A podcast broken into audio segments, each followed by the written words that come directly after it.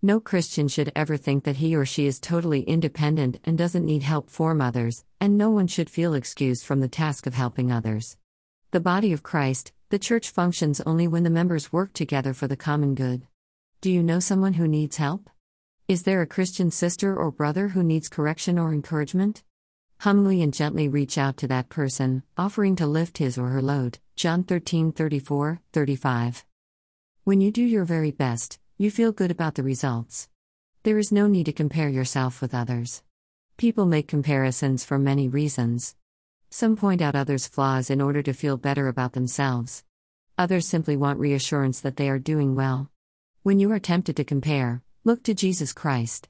His example will inspire you to do your very best, and His loving acceptance will comfort you when you fall short of your expectations. Vivienne Caldwell is the author of her first book, Be Strong. The Lord is always with you in her first children's book, No One Wants to Be My Friend.